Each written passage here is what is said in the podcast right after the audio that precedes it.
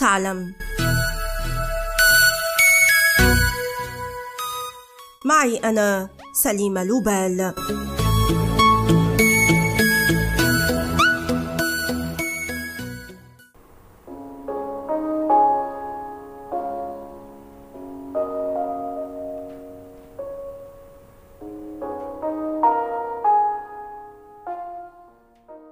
فجأة مات زوجها الدكتور تشارلز لوكنز في عام 1825 بينما كان في التاسعة والثلاثين من عمره لتجد ريبيكا نفسها مسؤولة عن مصنع في بنسلفانيا ينتج ألواحا فولاذية لمصانع أخرى تصنع غلايات بخارية لكن سرعان ما غرقت في الديون.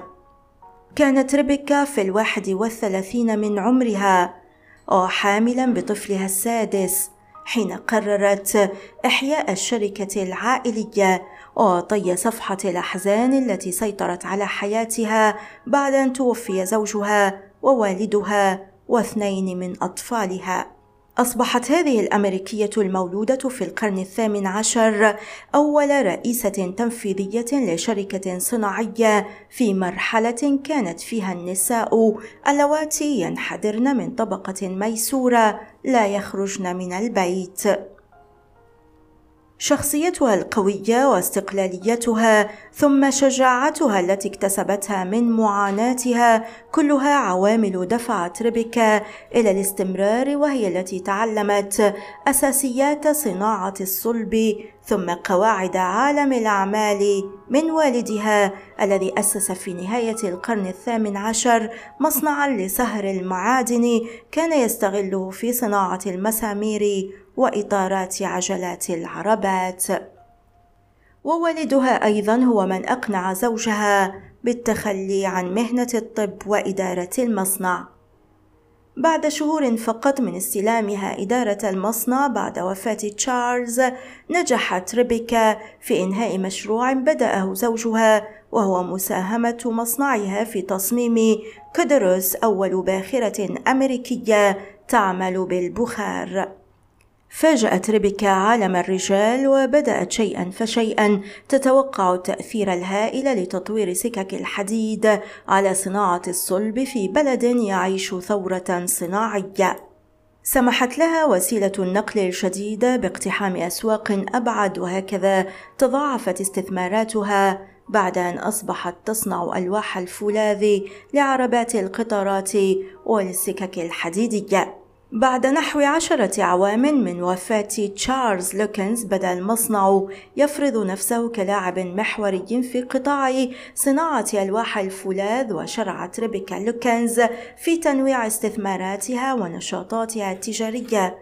وفي خضم قصة النجاح هذه لم تغفل ريبيكا العمال الذين دعموها. إذ عرضت تسريحهم عن العمل خلال الأزمة المالية لعام 1837 ما عزز ولاءهم لها عكس مسؤولي مصانع أخرى. لكن كان على هذه السيدة وسط هذا النجاح في عالم الصناعة أن تخصص الكثير من وقتها وطاقتها لمواجهة عائلتها ووالدتها ثم شقيقها حتى تحصل على ملكية المصنع.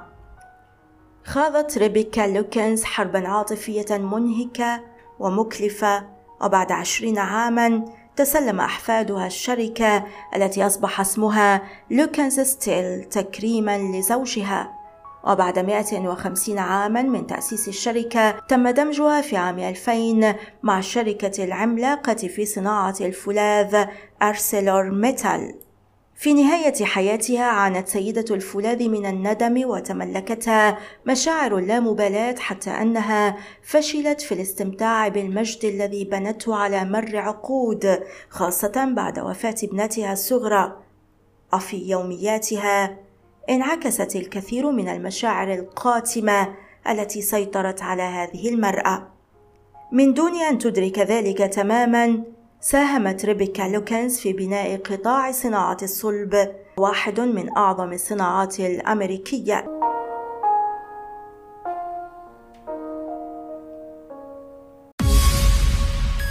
والآن إلى اللقاء مع حلقة جديدة من بودكاست هل تعلم؟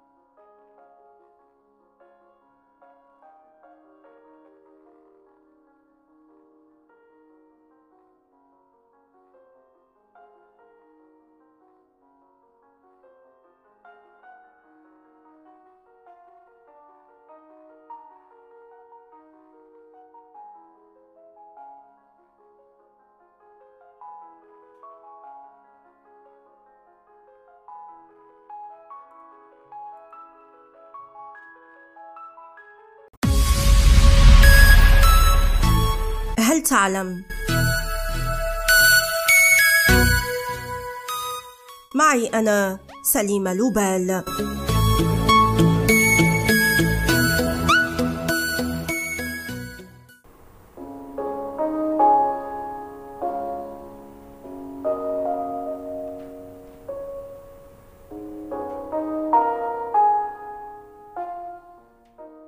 فجأة مات زوجها الدكتور تشارلز لوكنز في عام 1825 بينما كان في التاسعة والثلاثين من عمره لتجد ريبيكا نفسها مسؤولة عن مصنع في بنسلفانيا ينتج ألواحا فولاذية لمصانع أخرى تصنع غلايات بخارية لكن سرعان ما غرقت في الديون. كانت ريبيكا في الواحد والثلاثين من عمرها وحاملا بطفلها السادس حين قررت إحياء الشركة العائلية وطي صفحة الأحزان التي سيطرت على حياتها بعد أن توفي زوجها ووالدها واثنين من أطفالها. أصبحت هذه الأمريكية المولودة في القرن الثامن عشر أول رئيسة تنفيذية لشركة صناعية في مرحلة كانت فيها النساء اللواتي ينحدرن من طبقة ميسورة لا يخرجن من البيت. شخصيتها القوية واستقلاليتها ثم شجاعتها التي اكتسبتها من معاناتها كلها عوامل دفعت ريبيكا إلى الاستمرار وهي التي تعلمت أساسيات صناعة الصلب ثم قواعد عالم الأعمال من والدها الذي أسس في نهاية القرن الثامن عشر مصنعا لسهر المعادن كان يستغله في صناعة المسامير وإطارات عجلات العربات. ووالدها أيضا هو من أقنع زوجها بالتخلي عن مهنة الطب وإدارة المصنع. بعد شهور فقط من استلامها إدارة المصنع بعد وفاة تشارلز نجحت ريبيكا في إنهاء مشروع بدأه زوجها وهو مساهمة مصنعها في تصميم كودروس أول باخرة أمريكية تعمل بالبخار.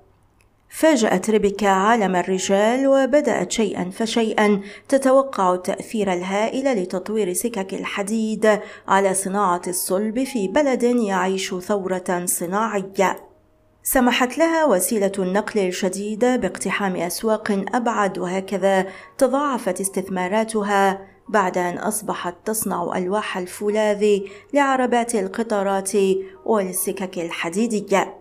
بعد نحو عشرة أعوام من وفاة تشارلز لوكنز بدأ المصنع يفرض نفسه كلاعب محوري في قطاع صناعة ألواح الفولاذ وشرعت ريبيكا لوكنز في تنويع استثماراتها ونشاطاتها التجارية.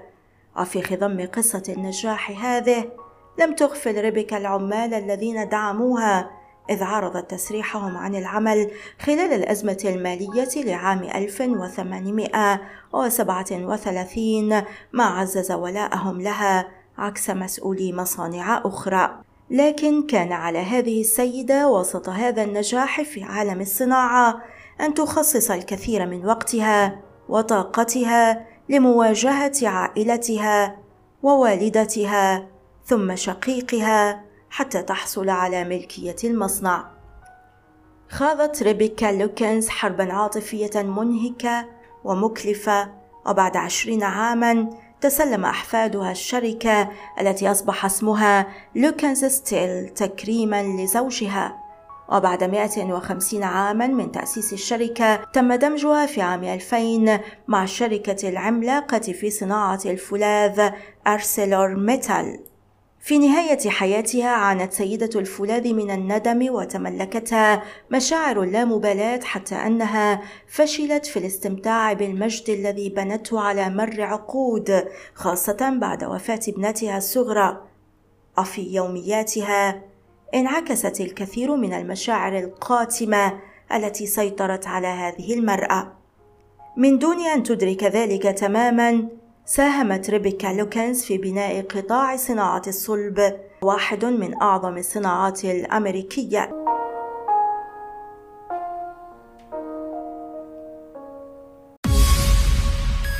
والآن إلى اللقاء مع حلقة جديدة من بودكاست هل تعلم؟